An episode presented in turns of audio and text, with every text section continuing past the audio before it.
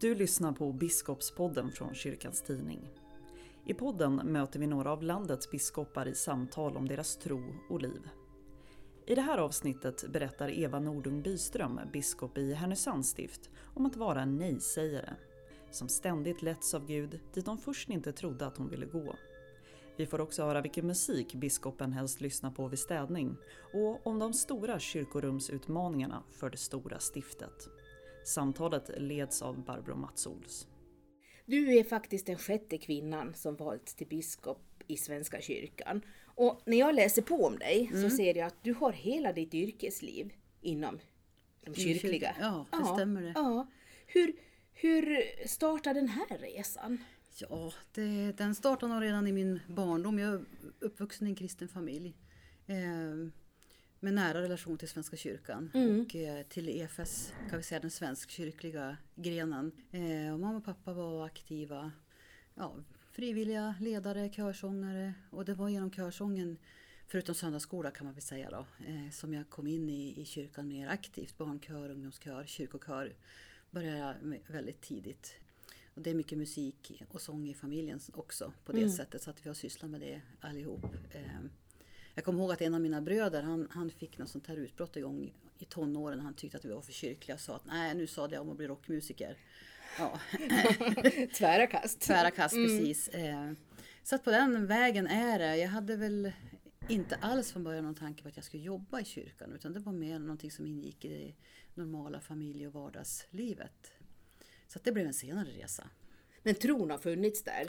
Ja, tron har funnits där från början som en, en, en självklar barnatro. Jag kan ju se tillbaka nu på mig hur, hur jag var som barn. Att, att den, den kanske var lite tydligare än hos många andra av mina jämnåriga. Men det var inget jag lade märke till utan den, den levde jag i. Mm. så. Sen har det naturligtvis varit berg och dalbana, inte minst i tonåren och även under min vuxna period då man har undrat vad, vad man egentligen håller på med. Och den berg och dalbanan håller man ju på med hela mm. hela livet. Ja. Så är det.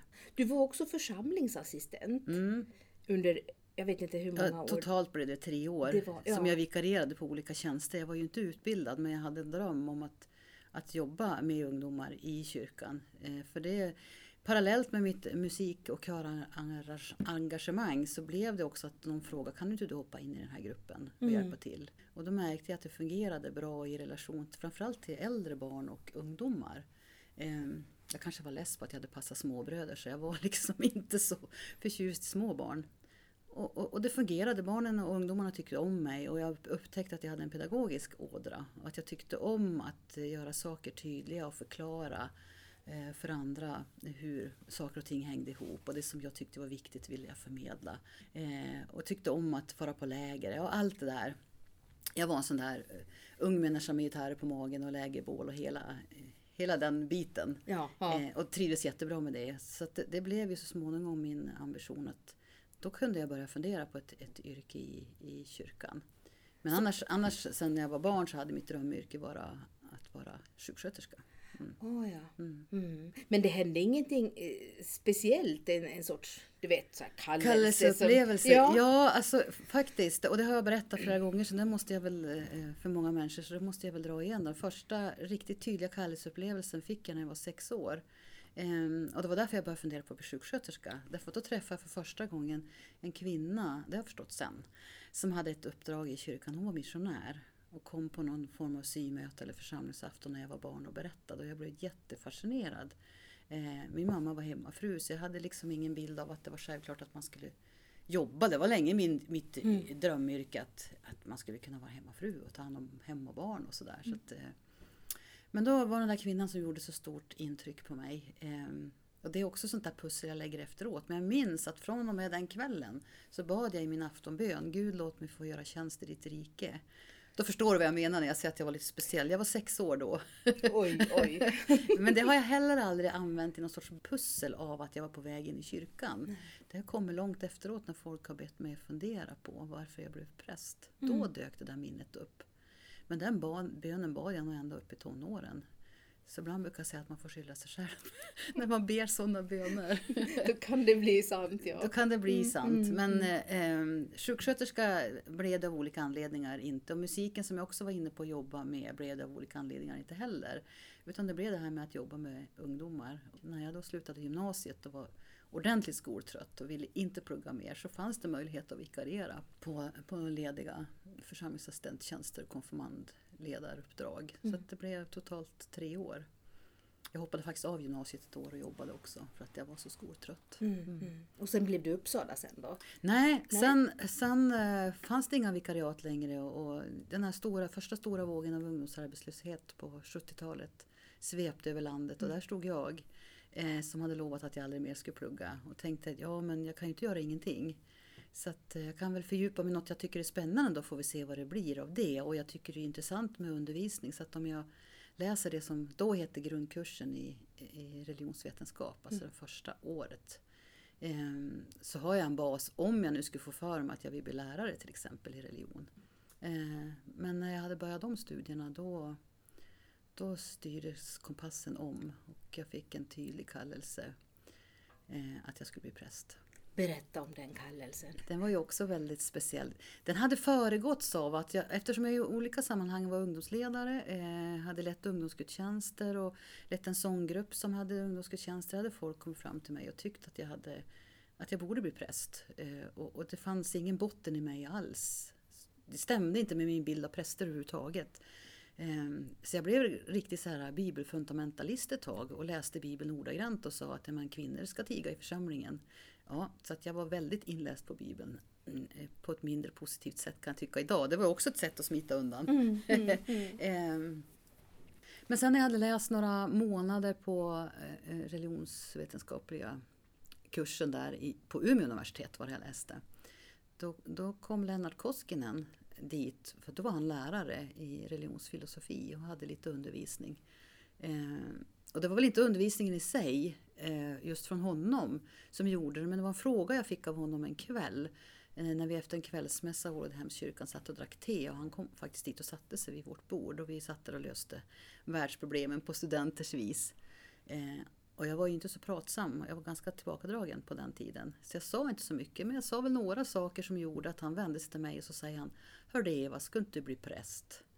Och då tänkte jag, nej men inte nu igen. Och från en sån som inte ens känner mig. Eh, så jag lämnade över hela mitt batteri av, av eh, argument mot. Men eftersom han då var en skolad man i argumentation så kunde han ju krossa dem allihop. Eh, och så tyckte han, ja men du kan väl fall tänka på det. ja, så då lovade jag att jag skulle tänka på det. Och eh, en, en sen kväll på bussen mellan Umeå och Övik, det var alldeles mörkt ute, kom jag ihåg. Då sa jag till vår Herre, okej okay då, om det är det du vill så då testar vi väl det då, men då får du se till att jag klarar mina studier för jag vill inte plugga. och då fick jag ett lugn i hela kroppen och då förstod jag att nu, nu är det bara att gå. Och på, det, på den vägen är det? Ja, jag mm. bråkade mycket med vår herre under hela utbildningen, det måste jag säga. Det var sista terminen som jag sa att ja, nu är jag här så då går vi väl då. Eh.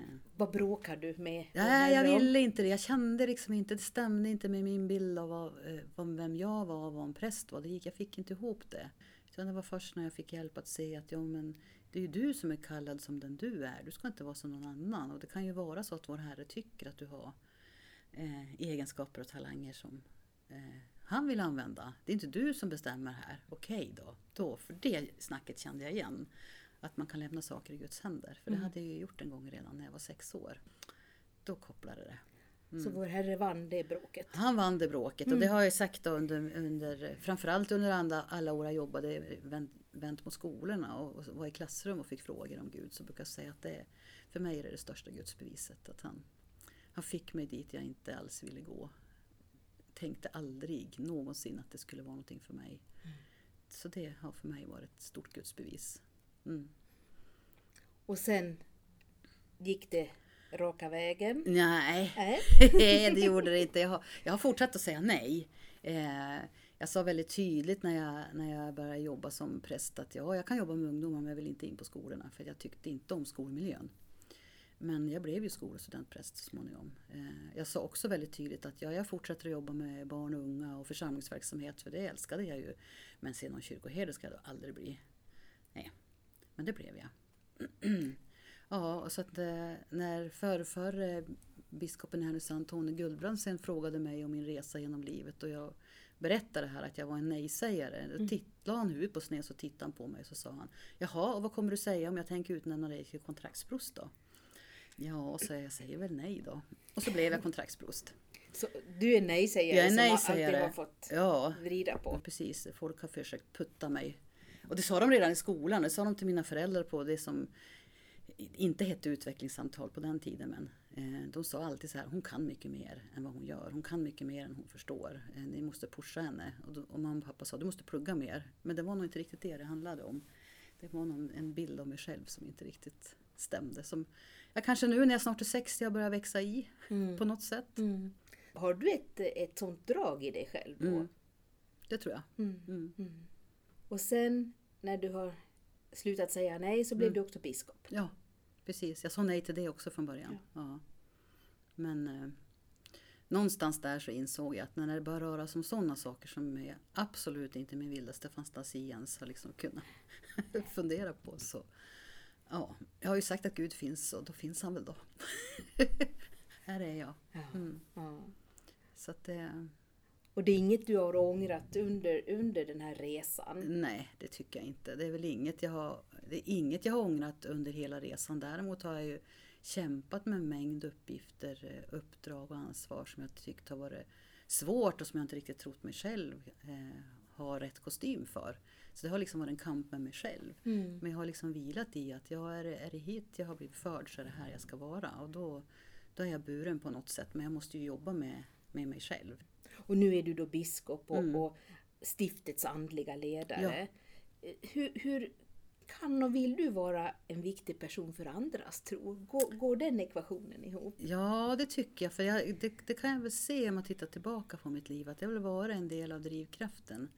Att önskan att på något sätt finnas till för andra. Och eftersom tron då har varit så stark och viktig. Inte stark så att jag har trott jättestarkt. Men det har varit eh, starkt i min syn på verkligheten om jag säger så. Eh, så jag, jag har alltid känt ett driv i att det här är något jag vill förmedla. Det går inte att sätta ord på det men det har mm. brunnit väldigt starkt så. Mm. Eh, och att, att inte kanske vara ledare på så sätt att man alltid pekar med hela handen och säger gå dit och gör si och tyck så. Utan mera vara en möjliggörare. Eh, jag är stora syster.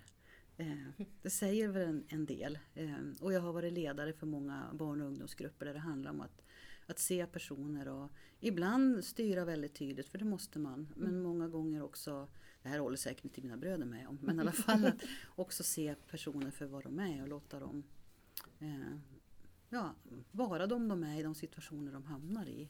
Så har jag försökt agera. Sen är det säkert inte alla som, som håller med om det. För som ledare måste man ju ibland fatta obekväma beslut. Och mm. det stämmer ju inte alltid med varje enskild människa tycker. Men jag försöker så långt det är möjligt eh, se varje människa. Mm. så. Och det tycker jag också är en viktig sak i ett, i ett ledarskap. Det, I ett ledarskap är det ju alltid den organisationen som har anställt en eller kallat en som ledare som, som äger frågan och uppdraget och uppgiften och det är den jag ska vara lojal mot naturligtvis. Eh, och i, i den ramen ser de människor jag möter och göra det möjligt för människor att, att finnas mm. där. Mm.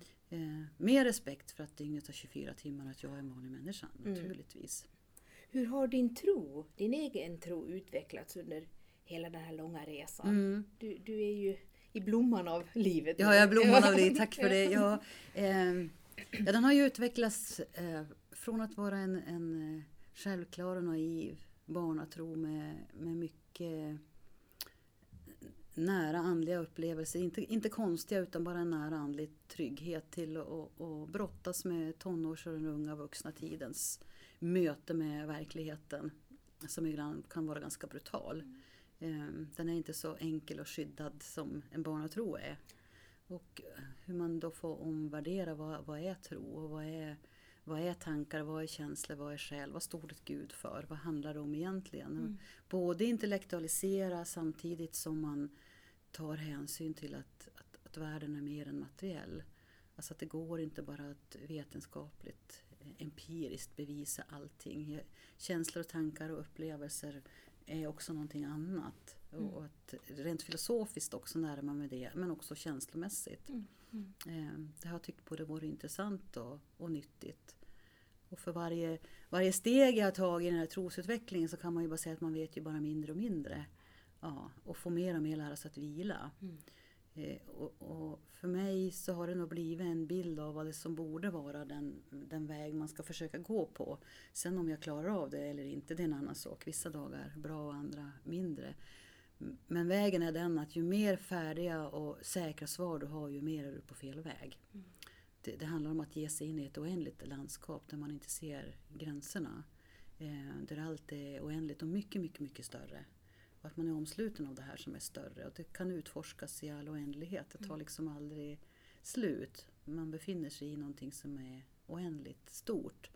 Och jag tänker ofta på den gamla eh, judiska skrifttolkningstraditionen som säger att en text som är tolkad en gång är alldeles för långt ifrån sanningen. Den ska tolkas om och om och om, och om igen. Mm, mm. Och med det sättet så kan man säga med Tranströmers ord att det öppnar sig valv mm, på valv. Mm, mm. Eh, och, och, så ser min tro ut idag och det gör att den, den fortsätter vara spännande. Eh, vissa dagar är det tomt. Jag tänker vad är det vi håller på med? Hur kan man tro på sånt här? Mm. Och sen så, så händer det saker i min resa som gör att jag känner att men, vad förtvivlade jag på det där? Det är klart att vi är omslutna något som är större än vad vi kan förstå. Mm. Och det innebär att jag har dagar då jag inte förstår någonting och det är som det ska vara. Mm. Mm. Så att, eh, mer och mer en resa till en tro som på ett sätt är bortom orden. Men där man får jobba med att hela tiden hitta orden för att förklara det här eh, mm. onämnbara egentligen. Mm. Gud som är allt och inget på samma gång. Liksom. Mm. Det är väldigt svårt att förklara. Mm. Och hitta ord som, som inte stänger ute. Mm. Eh, som öppnar också för andra människor. För den här upplevelsen som jag har, den är ju inte unik för mig. Så här känner ju alla människor mm. när man sätter sig ner och funderar lite grann. Att, men det gäller då att sitta, sätta ord på det. Mm. Och, och, det är ju en del av min uppgift. Att kunna sätta ord på det eh, men också se till att det finns handling som stryker under orden och att möjliggöra det i vår kyrka, i alla församlingar runt omkring i vårt stift. Mm. Alltså där människor möter människor. Och de som möter människor är ju i större grad de som då är ideella, förtroendevalda, anställda ute i församlingarna än, mm. än vad jag är. Mm. Mm. Uppe i toppen? Ja, ja. Toppen eller botten, det beror på hur man ser det. Jag tycker väl att de är toppen. Mm. mm. Och jag ligger någonstans där under och, och, och pushar på lite, så och lyfter. Mm. Det är väl min bild av vad jag ska vara, uppmuntra och naturligtvis Ja, det är lite som en mamma. Man ska både uppmuntra och korrigera därför att det handlar om att hitta rätt väg i livet. Mm. Det är en lång resa det här du berättar om från Eva som ung eh, fundamentalist, anstruken ja, bibelläsare. Ja, som tonåring måste jag säga. Jag var mm. inte det innan. Nej, nej. nej men nej. Det, det, är ju... Det är en lång resa ja. och det var en väldigt omvälvande just uh, utifrån det, den aspekten att jag, jag rörde mig väldigt mycket i, i frikyrkliga kretsar och blev väldigt mycket bibelfundamentalist ett tag. Ni vet, när man är tonåring och allt är svart mm. eller vitt så passade det väldigt, mm. väldigt bra. Men jag kommer ihåg vid något tillfälle när jag då, då jobbade med konfirmander ganska mycket under några år. Eh, och till slut kände jag att jag, nej men jag, jag sa till någon, nej men jag är less på hela den här frälsningshistorien. Jag kan ju den från Adam till Uppenbarelseboken. Mm. Finns det inget mer? Alltså allting var ju bara en, mm. en, en, en, lång linje med, med händelser och berättelser och förklaringar. Där allt var färdigförklarat, det fanns inget mer att upptäcka. Eh, och då, när jag kom dit, eh, då öppnades så småningom andra dörrar och då fick jag ju rasera hela det här fundamentalistiska bygget. Alltså Gud var ju större än asken jag hade stoppat honom i. Mm, mm. Och när jag öppnade den asken och insåg att jag hade stängt in mig själv och Gud var utanför. Då började en jättespännande resa. Som jag på långa vägar inte är, är, är färdig med mm. än. Det, den, är, den är nästan hisnande. Jag märker ibland att jag inte alltid vill sätta mig och meditera och tänka för att jag är lite rädd för att jag ska få för stora insikter på något sätt. För det är så, det är så oändligt. Mm. mm. Mm. Mm. Det är väldigt stort. Som rymden. Det är som rymden, ja. Mm. ja. Det är den där känslan när man står under, en, under rymden en stjärnklar kväll och tänker på hur stort allt egentligen är. Hur oändligt, alltså ofattbart, orimligt ofattbart. Man är som, ja nu ska jag säga något som inte låter så fint, men det var, det var i en bok för ungdomar som det stod att man är som en fis i en bäddsoffa. I rymden. Mm. Eh, ja, någonting som bara puffar iväg och försvinner och liksom mm. inte finns. Så. så kan man känna sig inför Gud och ibland kan det bli för stort på något sätt. Mm. Det hissnar. Det hissnar och då mm. behöver man orden och bilderna. Mm. Men man måste vara medveten om att man får inte stänga in Gud i det här. Och det är ett, det är ett ständigt arbete att, att jobba med. För jag är också medveten om att människor jag möter har olika instängda bilder av Gud. Och om jag säger ordet Gud så kan de tänka på något helt annat än det jag gör. Därför behöver man hitta ord som öppnar. Mm, mm. De kan ju vara fast i den här lådan som du Ja, ja precis. Mm, ja, mm. men det är ju så. När, när människor kommer och frågar hur jag kan tro på Gud så måste jag alltid fråga vad menar du med det ordet? Och då dyker någon gång nu och då den här gubben med långt vitt skägg på ett moln upp. Och då måste jag ju säga att ja, men den guden tror inte jag på heller. Mm. Eller någon straffande gud eller vad det nu kan vara. Mm. Man får prata väldigt länge kring bara ett enda ord. Och, och, och, det slutar oftast med att ja, men vi tror ju egentligen på samma sak. Det är bara att vi, vi trodde att vi inte gjorde det. Mm. det är för att orden har stängt igen någonting. Personer som har betytt mycket i ditt liv då, mm. Eh, för din tro. Vil, ja. vilka vill du lyfta fram? Lyfta fram ja, från början som barn är det ju mina, mina föräldrar och eh, bitvis mina morföräldrar. Um, och sen är det många som har passerat revy, olika ungdomsledare och, och präster. Um, det är ju ingen som jag kan sätta fingret på och säga att det där var liksom så. Utan det har bytts av hela tiden. Jag har läst olika böcker och mött olika människor. Och jag har nog tagit intryck av väldigt många så att säga inom citattecken vanliga människor som mm. jag inte liksom kan sätta namn på. Utan jag, och det där var klokt sagt eller det där var en god kristen eller så. Mm. Eh, ja, det, jag kan inte peka direkt på någon. Det är en, det är en, det är en blandning av väldigt olika. Eh, men jag tycker om att läsa ja, sådana böcker som Stinnisens till exempel. Men eh, böcker som handlar om manlig vägledning och fördjupning i största allmänhet. Så mm. där är också en brokig skara med människor. Det är ingen jag har liksom fastnat för så. Men du nämner Stinnisen, då är det är, är hans böcker och andras böcker ett sätt för dig att fylla på din egen så att säga, andliga utveckling och fördjupning? Ja, lite både och. Mm. Eh, eh, när, jag, när jag är trött och utarbetad så blir jag också trött i ögonen och har svårt att läsa. Eh, så att det gör att eh, jag kanske läser ett litet stycke i en bok och sen funderar jag kring det. Mm. Eh, men det mesta av min andliga fördjupning handlar ju om att, eh, att jag hör någonting eller ser någonting och sen behåller jag det och funderar kring det. Eh, så det är mycket funderande, jag är en funderande människa. Mm. Och, och, så samlar jag på och det kan jag få intryck från, från en gudstjänst, från en föreläsning, från ett radioprogram eller vad som helst. Och så blir det någonting som jag fortsätter att bearbeta. Mm, mm. Så. Mm. Idissla. Idisslare, ja jag är en mm. idisslare. Mm. Precis. En del skulle kunna säga att jag var en bönemänniska eller en, en meditationsmänniska. Och det är jag säkert, även om jag inte alltid sitter med händerna knäppta på meditationspall. Mm. Mm. Men jag är en idisslare, mm. verkligen. Um, jag tycker om att ha en vacker utsikt framför ögonen och sen kan jag sitta länge och eh, vända och vrida på saker och ting. Mm. Du berättade tidigare om, om, musiken då, att den har betytt väldigt mycket för dig. Och Sjunger du fortfarande? Ja, inte, inte lika mycket som, som förut. Jag sjunger mycket mer som, som ung och ung vuxen. Jag kan väl säga att ett, en av följderna att jag blev biskop är att jag blev hes. Det är väl kanske någon sån här stressgrej ska jag kunna tro. Så att jag har lite svårt att eh, jag har blivit en, en, bra tenorsångare om jag säger så. Jag ligger ganska lågt mm. just nu. Men jag har alltid tyckt om att, att sjunga och, och spela. Och mm. så. Men med åren har det blivit mindre och mindre. Som när jag klev över från jobbet med, med ungdomar och skola och blev kyrkoherde så det är klart att då fick jag lägga gitarren åt sidan lite grann. Mm. Jag fick ta fram den ibland bara. Mm. Mm. Så att jag har tyvärr inte prioriterat den, det fullt ut så. Man måste välja. Lys jag lyssnar gärna. Mm. Ja. Vad lyssnar du helst på då? Allt. Eh, beroende på vad jag är på för humör och vad jag ska göra. Eh, det kan bli hårdrock om jag ska städa. Eh, men annars så, när musiken ska hjälpa mig att koppla av så ska det vara lugn eh, musik. Eh, den får inte vara för artificiell eller konstgjord men det kan, vara, det kan vara jazz och det kan vara klassisk musik. Det kan vara eh, även annan form av, av musik. Men den ska vara harmonisk och tonal mm. och, eh, och lugn. Mm. Mm. Favoritsalmer då? Ja, det är många. Eh, jag har sjungit mycket salmer i mina dagar och kan väldigt många av dem utan till så det är lite olika för olika eh, situationer. En, en psalm som, som man aldrig kommer undan i Svenska kyrkan, i alla fall inte i våra trakter, det är blott en dag. Och den har jag inte slitit ut än, trots flera hundratals begravningar. Och, mm. eh, så kan jag återvända till Lina Sandell är helt eh, fantastisk. Eh, trosbekännelsen av, eh, nu tappar jag bort namnet helt plötsligt, av Kristina Lövenstam mm. tycker jag också eh, väldigt mycket om.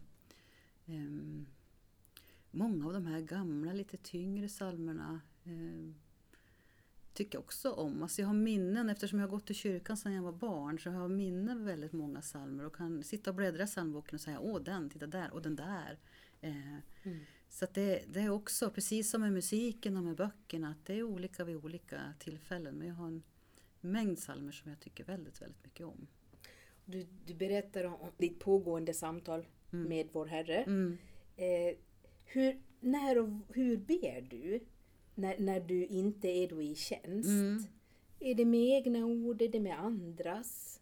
Har du någon favoritbön som du ofta plockar fram? Ja, eh, nej, det har jag inte. Utan det är mer ett pågående samtal. Mm, jag läste som relativt ung, det var kanske någon av de första vägarna ut ur det här fundamentalistiska spåret. En, en bok av eh, en munk som heter Broder Lorenz. En liten, liten bok som jag fortfarande har med mig. Eh, där det står hur han pratar med Gud när han står i köket och skalar morötter. Och eftersom jag också är en köksmänniska så tyckte jag det där kändes bra. Eh, så det, det, pågår en, en ständig dialog. Mm. Ibland väldigt medveten och ibland mindre medveten. Det är ytterst sällan jag för min egen del sätter mig ner och, och läser en färdigskriven bön. Mm. Däremot använder jag väldigt gärna eh, i samband med gudstjänster och, och när jag ska leda böner mm. tycker jag att eh, jag kan ibland tycka att det, det är gott med, med, spontana böner men ibland kan det bli så att en, en, spontan bön på något sätt blir mer koncentrerad kring mig själv och mina egna tankar och det är inte riktigt meningen när man ska leda andras böner. Och då kan en, en väl avvägd, färdigformulerad bön vara mycket, mycket bättre. Mm. Så man ber långsamt och folk får möjlighet att lägga sitt i det. Annars mm. blir det mitt. Och det är inte riktigt meningen när man leder en gudstjänst. Nej, mm. nej. Som präst, eller biskop för all del, mm. arbetet handlar ju väldigt mycket om frågor, frågor som rör liv och död. Mm. Vad, vad, tror du händer efter döden? Hur, hur, hur för du de samtalen ja, då? Eh, där, där tappar man ju orden på något sätt. Jag ser en bild av någon sorts oändlighet som inte jag riktigt kan sätta orden på. Men det finns berättelser som har präglat mig väldigt starkt. Det är de här nära döden upplevelser som människor har varit med om. Att man åker in i en mörk tunnel och kommer ut till, till en ljus och trygg känsla på andra sidan som är så positiv så att man blir besviken när man kommer tillbaka till livet igen. Mm. Eh, någonting som är ljust och, och, och, tryggt. Som någonstans, känslan i kroppen är lite grann av den känslan jag hade som barn när jag tänkte på Gud. Eh, någonting som är tryggt eh, och varmt på något sätt. Eh, första gången jag mötte sådana här nära döden upplevelser läste jag om dem i böcker och tänkte ja, men det är ju fantastiskt att, eh, att det kan vara så. Okej, okay, en del menar att det är hallucinationer i hjärnan på grund av syrebrist andra har andra upplevelser. Och eh, jag tar bara till mig som en beskrivning av en bild som jag har burit inom mig sen, sen tidigare, alltså den bilder jag har gjort. Eh, sen har jag träffat människor som har varit med om det här. Man möter ju en hel del människor under många år som präst. Och, och så det har gjort mig övertygad om att jo, men det är nog någonting, men det går inte riktigt att sätta ord på det. Så att eh, en av mina favoritbibelställen, nu kan jag den bara utan till 1917 års översättning. Eh, att inte ett öga sett och inget öra hört. Vad ingen människas tankar kunnat tänka, det har Gud berett åt dem som älskar honom. Så att, eh, återigen det här att inte gå att sätta ord. Men någonting som är tryggt och, och ljust. Och det kan jag också grunna på, vad innebär det? Och mm. kommer det att se ut? Och, men det bekymrar mig inte så mycket. Eh, det som bekymrar mig mer det är hur man ska klara av att leva livet här. Mm. Ja, det är väl så för de flesta. Det är så för de flesta. Mm. Men det, det, är ändå en trygghet som bär. Och då handlar det, då handlar det inte om att, att ha någon sorts lösning på, på dödens problem. Utan det handlar om en bild av att Gud omsluter allt. Mm. Både liv och död. Och det innebär att jag har vilat hos Gud innan jag föddes. Det innebär att jag kommer att känna igen mig. Eh, och vad detta är, det, det kan jag inte spekulera om och det vet jag inte heller. Men det, det är ett lugn som bär en både i relation till arbetsuppgifterna, i alla dessa, eh, all denna död och sorg man har mött under åren som, mm. som präst. Eh, ett hopp om att tillvaron är något mer. Men också i relation till, till nära och kära. Mm. Att vi är burna av någonting som är större. För den skulle jag inte göra naiv. Alltså det är svårt med döden och det är så definitivt och det är så hårt. Men eh, jag skulle nog vilja sammanfatta det med både tron och tankarna kring livet efter döden. Att vi måste hoppas och tro på att kärleken och godheten är starkast här i tillvaron. Mm. Annars orkar vi inte leva som människor. Då orkar vi inte heller kämpa för det som är gott och rätt. Mm. Eh, och jag tror att det är så att kärleken och godheten och livet och ljuset är starkare. För annars hade den här jorden gått under för länge sedan. Mm. Om inte det hade funnits i människors hjärtan och i, i tillvaron. Det finns något som driver oss. Att göra det goda, att göra det rätta. Även, även om det kostar oss livet så kämpar vi i de allra svåraste situationerna. Och det är för mig en, en bild av att det finns något större som omsluter oss. Mm. Och därifrån kommer vi och dit ska vi tillbaka. Mm. Och, det, och det är hemma. Mm. mm. Ja, det är också en trygg förvissning att kunna vila i den. Ja. Eh, tron, övertygelsen om att det, det, är någonting som är större. Ja men det är någonting som är större. Jag mm. tänker när frågorna kommer, men vad är meningen med allt ont som sker? Hur kan det finnas en god Gud när världen är så ond? Då, mm. då tänker jag, men vi vänder på den frågan då. Mm. Om det inte fanns en god Gud. Mm. Eh, om det inte fanns något gott och ljust att landa i allt djävulskap som händer, i, i döden som möter oss. Om det var bara tomt eller om det ännu värre var ont och elakt allting. Mm. Hur, hur skulle vi då klara av att leva? Om det var svaret. Mm. Eh, så vänder man på perspektivet och ser på alternativen. Då blir det genast, ja, man hittar inte orden men man kan ana. Mm. Ibland är det rätt att, att, att, se tvärtom för då får man förklaring på sånt som inte går att sätta ord på. Mm, mm, Ungefär som när människor ibland frågar mig, men, ja, men du välsignar, vad är en välsignelse då? Ja, hur förklarar man det? Man har ju känslan av vad en välsignelse är. Men mm. om man säger, ja men det är motsatsen till förbannelse. Då säger folk, jaha, du känner ju själv när jag säger så. Ja, men mm. Det blir någonting. Det kan du inte heller sätta ord på, men vet du vad motsatsen är? Mm. Då får du ett större grepp om. Mm. Och det här är ett gammalt filosofiskt knep. Ja, ja men mm. det är ett bra. Väl, det är mycket väl beprövat. Väl beprövat. Och framförallt eftersom vi människor har en förmåga att, att så lätt gräva ner oss i det som är ont och besvärligt och fel. Och, ja, det mm. blir liksom en nedgående spiral och vi ser bara det där halvtomma glaset. Som samtidigt är halvfullt. Mm. Ja. Mm. Och vänder vi på det och ser liksom motsatserna så får vi perspektiv och det tror jag det är nyttigt, det behöver vi. Händer det ändå någon gång att du tvivlar, att du känner att det. Ja, oh ja. Det händer det. Och jag tror att en människa som inte erkänner det är inte ärlig. Det kan, det kan flippa förbi i huvudet en sekund bara att det gungar till och tänker men det är klart att det finns inget annat än det materiellt kan ta på och mm. empiriskt bevisa. Eh, det, kan, det kan gå dagar, det kan gå veckor och liksom de tankarna kommer. Men numera är det liksom, liksom ingen mara som rid, rider mig som det har varit förut. Utan jag känner att det är mer, ja men det är så typiskt som i en relation. Alltså tro är ju en relation. Mm. Det är ingenting jag ska prestera, jag ska känna, jag ska åstadkomma. Eh, utan det, det, är en relation och i alla relationer så går det upp och ner. Mm. Även den allra närmaste kära man har kan man ibland tänka, nej han älskar nog inte mig längre. Eh, eller nej, det här kommer aldrig att gå. Mm. Eller nu är vi trött på varandra. Mm. Men så är det ju för alla. Och sen vet man när man har levt ett, ett långt äktenskap att ja, ja, nu är jag inne i det där. Det, jag, det går nog över. Mm. Det vi hittar, det slår en gnister så småningom igen. Mm. Och det går upp och ner. Och så, Men så är det också i relation till Gud. Och, och jag kan ju inte bestämma att han existerar bara utifrån hur jag mår och känner. Tack Utan och lov. Han, tack och lov. Men han finns ju där i alla fall. Det, det, mm. kan vara helt tomt i min själ och mitt huvud. Mm. Eh, och det påverkar inte hans existens. Mm. Utan det, är ju, det är ju i mitt universum det ser ut så, men inte i hans. Mm. mm. Och det är därför det är så skönt att tänka att man vilar i den som är större än en själv. Mm. Så får det vara hur det vill med mig själv. Ja. Så, så, så viker han inte i alla fall. Även om jag inte ens tror på honom så, så tror han på mig. Mm. Ja, Fast jag inte tror det ändå. Ja. Liksom. Ja. så det är rätt.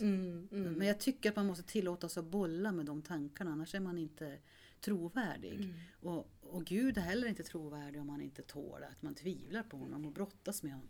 Ja, men läs Saltaren. Mm. Denna fantastiska gamla psalm och sångbok som majoriteten av psalmerna är klagosalmer.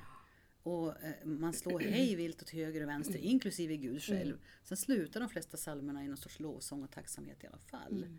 Och det är ju så det är att vara människa. Mm. Och återigen det här med motsatserna. Om inte jag får slåss mot det som är jobbigt mm. mm. så, så kanske inte jag heller har förmågan att vara tacksam på riktigt. Mm. Det blir bara någon sorts yta. Mm. Mm. Och då kan tron också bli en fernissa som jag bara lägger på ytan. Som ytliga gärningar eller ja, den, den, den värsta avarten av det, det är liksom att det ska synas på utsidan att man är lyckad. Då har man en bra tro.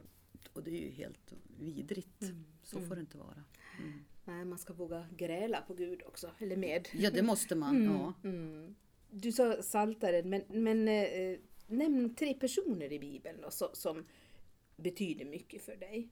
Mm. Eller utmanar dig på något ja, speciellt precis. sätt. Vilka, ja, vilka... Förutom Jesus då? Ja, ja, ja. ja. Han är så självklar, ja. tänker jag. Ja. Mm. ja, då är det Maria, Jesu mor, mm. som har fascinerat mig. Jag tror att jag har identifierat mig väldigt mycket med henne. Alltså en väldigt ung kvinna som vågar ta emot det här stora uppdraget. Inte för att hon begriper och förstår, hon kan till och med ifrågasätta. Mm. Det här kan väl inte gå liksom, säger hon lite trotsigt. Eh, men hon får svaret att, att det hänger på Gud, då släpper hon allt. Det, det tycker jag är en helt fantastisk berättelse som, som är väldigt, väldigt stor. Ja, det är väl, det är väl framförallt hon eh, Johannes tycker jag om att läsa. Han, hans sätt att skriva ligger nära mitt filosofiska sinnelag. Mm. Och sen är det ju Jeremia, han som sitter i brunnen och klagar på det uppdrag Gud har gett honom. Mm. Sån kände jag mig i många, många år. Jag sa det när jag var teologistudent också, nej jag känner mig som Jeremia i brunnen.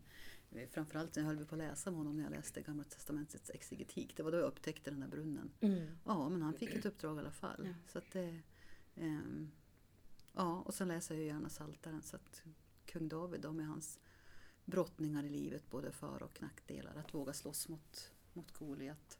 Mm. Eh, sen finns det ju en mängd kvinnor i Bibeln som man kan, kan lyfta fram. Mm. Som eh, både i Gamla Testamentet och i Nya Testamentet har tagit ledande mm. positioner men som vi inte pratar så mycket om. Lyfter du fram dem när du predikar själv? Ja, när jag har möjlighet så mm. gör jag det. Det är ju inte alltid de finns med i texterna mm. på det sättet. Mm.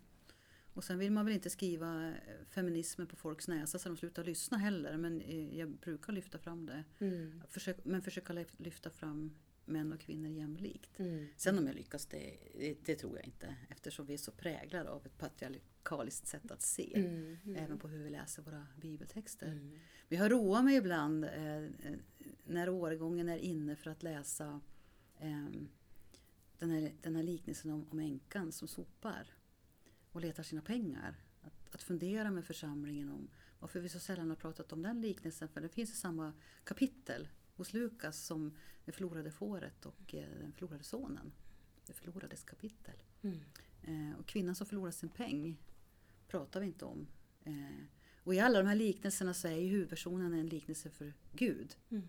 Eh, ja men fadern som, tappar, som sonen springer ifrån och mm. herden som tappar fåret. Och kvinnan som tappar pengen och som är, sopar och städar sitt hus och fixar fest. Och då tänker jag, men nej, Gud är som en sopande kvinna. Mm. Hur många gånger pratar vi om det? Så det är ett exempel mm, på hur jag mm, kan mm. lyfta fram det där. Mm. Det är ett bra exempel tycker jag. Jag tycker ett jättebra exempel. Och som vi hör väldigt lite ja. av eller om. Ja, och jag tycker om det för det finns ju liksom en liten husmor i mig ja. också. Jag har, jag har i stor del av mitt liv försökt att hantera det här med att jag gärna vill vara husmor och laga mat och baka bullar och snyta ungar och vara yrkesarbetande även på helger och kvällar. Det har varit en ganska tuff ekvation kan jag säga. Mm. Brett spektra. Brett spektra. Mm, Hur mm, ordnar man mm. ett fantastiskt julbord när man ska jobba på jul? Ja, ja. till exempel. mm. då, får, då får man köpa tjänsterna kanske. Ja, det är väl något jag börjar med nu. Ja. Men så länge barnen var små, ja, då ville jag ge dem det. Ja, ja. Mm slitit på? Jag har slitit på. Ja, ja jag har slitit på. Ja. Men jag tycker fortfarande om att laga mat, men bara då när jag vet att jag absolut är ledig. Ja, jag såg det att du gärna, gärna mm. står vid spisen. Ja, det, där kan man också meditera väldigt bra. Mm, Visst. Mycket bra. Eller ute i trädgården och plocka, plocka bär. Inte lika mycket. Nej. Nej, jag har lite problem med leder och rygg som gör att det är lite jobbigt. Ja, ja. Man får välja sina. Man får välja, ja mm, precis. Mm, mm. mm. Jag såg någonstans också att du talade dig varm för kyrkorummets betydelse. Ja.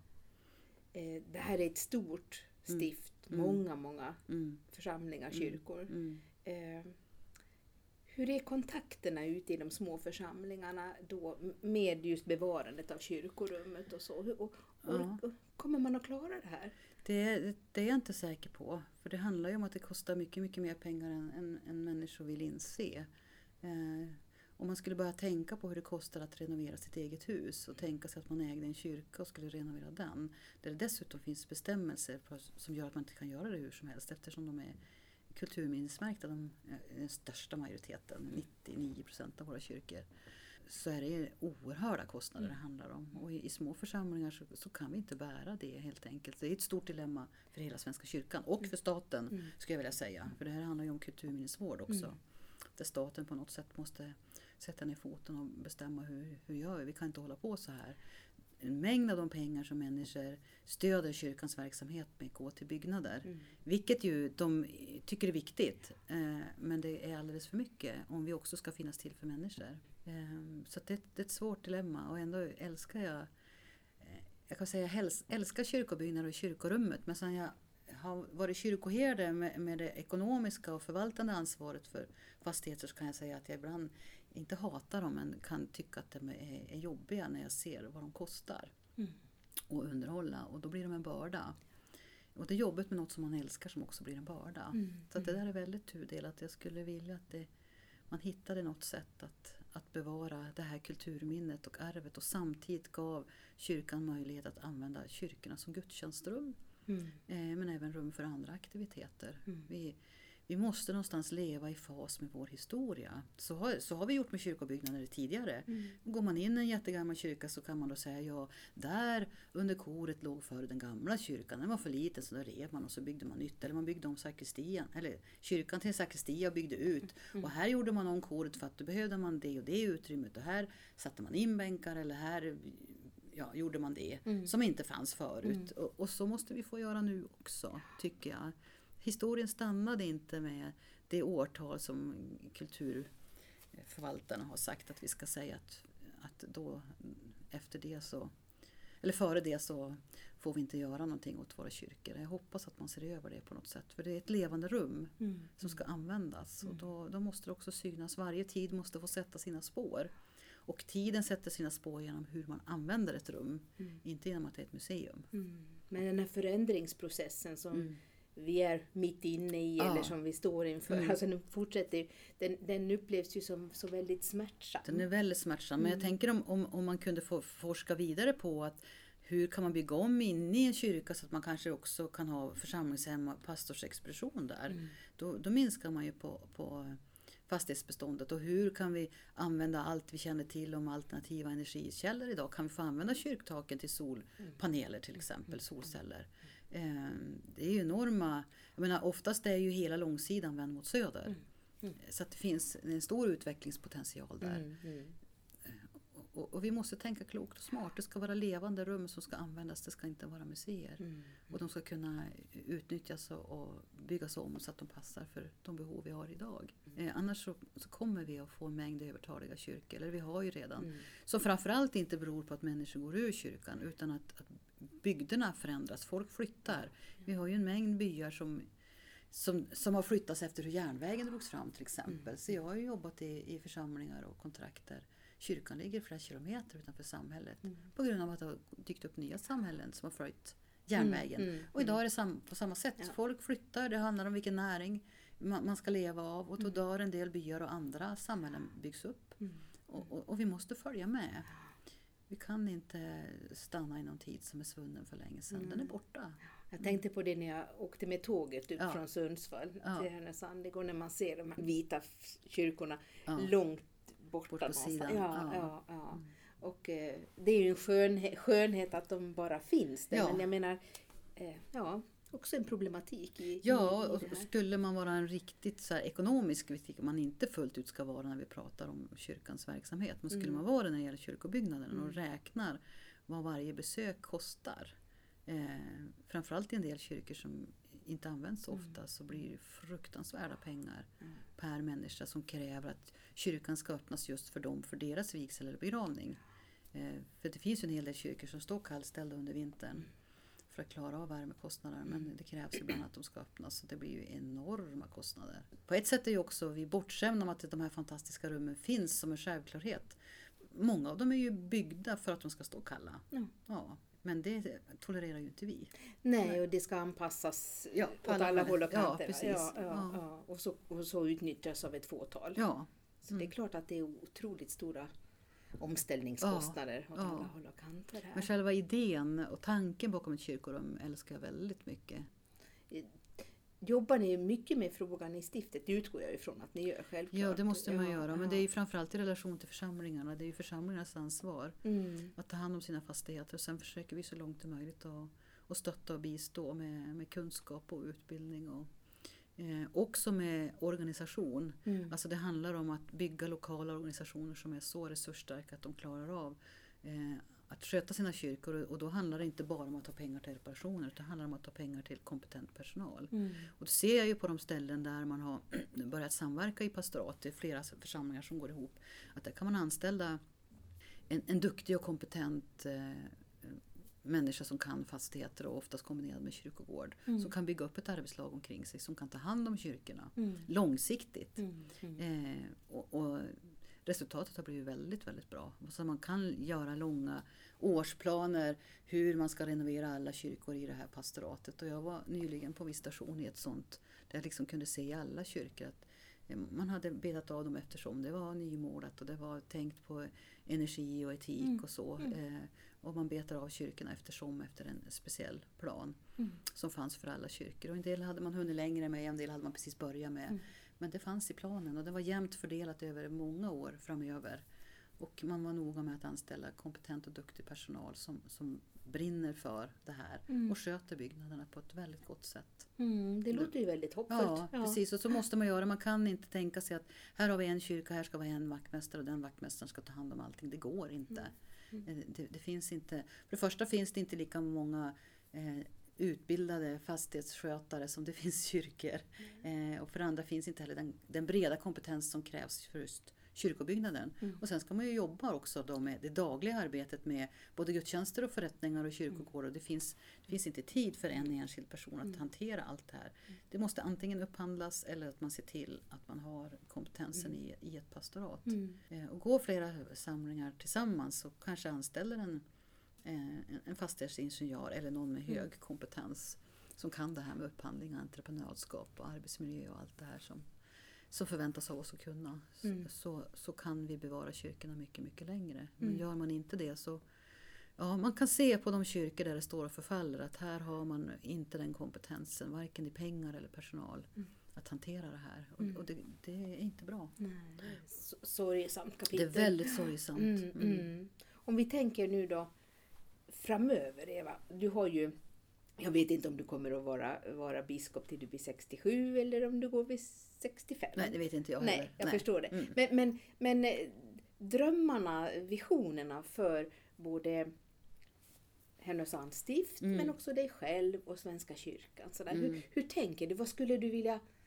vad skulle du vilja eh, se blir, blir verklighet? Vad, vilka frågor Ja, ehm, bultar hjärtat? ja, om vi börjar där, eh, där vi slutade nyss då. Mm. Eh, det är att, att stiftet ska bestå av enheter där alla klarar av eh, att vara goda arbetsgivare och goda förvaltare av sina fastigheter och sköta begravningsverksamheten på gott sätt.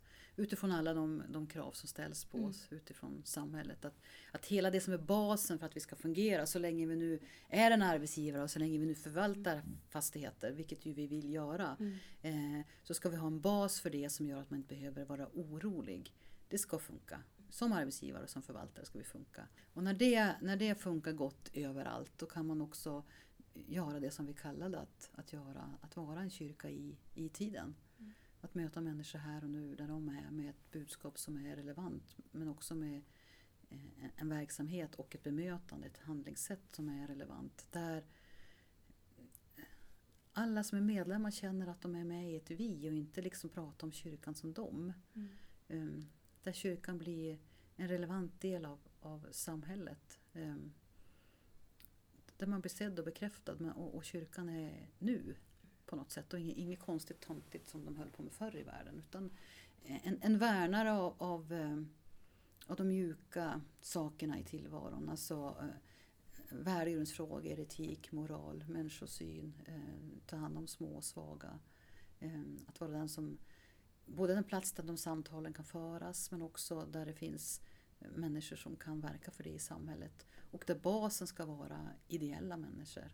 Vi kan inte bygga en kyrka på anställda. Utan det ska vara ett engagemang. Och det är därför jag säger att alla som är med, mm. vilket ju är majoriteten av människorna i ett samhälle, eh, ska känna att man är en delaktig i det här viet och att man mm. stöder någonting som är gott för samhället. Mm. Och sen naturligtvis är det ju självklart att kärnan i det är ju den andliga verkligheten som vi bygger på. Alltså vi har Jesus och hans kärleksbudskap. Vi har tron på en kraft som är starkare än vår egen. Vi har platser för stillhet och meditation. Och att vandra eh, i de andli, den andliga världen utifrån sin egen förmåga, var man befinner sig och vad man vill. Mm. Det ska inte vara någon färdig mall som läggs på som säger att det här och det här ska du tro och förstå. Utan var och en får gå i sin egen takt. Men det ska kännas att det är öppet och välkommet mm. för det. Och att vi, vi rustar både anställda, och ideella och förtroendevalda för det som är kyrkans uppdrag. Vi är ju inte en intresseförening vilket som eller någon kommunal förvaltning. Är en kyrka. Mm. Det måste vi påminna varandra om, mm. om ständigt. Så att en, en självklar plats i samhället där människor känner att här får jag rymmas med, som den jag är. Och som medlem är jag med och stöder någonting som är viktigt för vårt samhälle. Inte minst i glesbygd skulle jag vilja säga. Och där vi har enheter som han, kan hantera det här på ett, ett gott och professionellt och kompetent sätt. Tack så mycket Eva. Ja men tack. Tack. tack.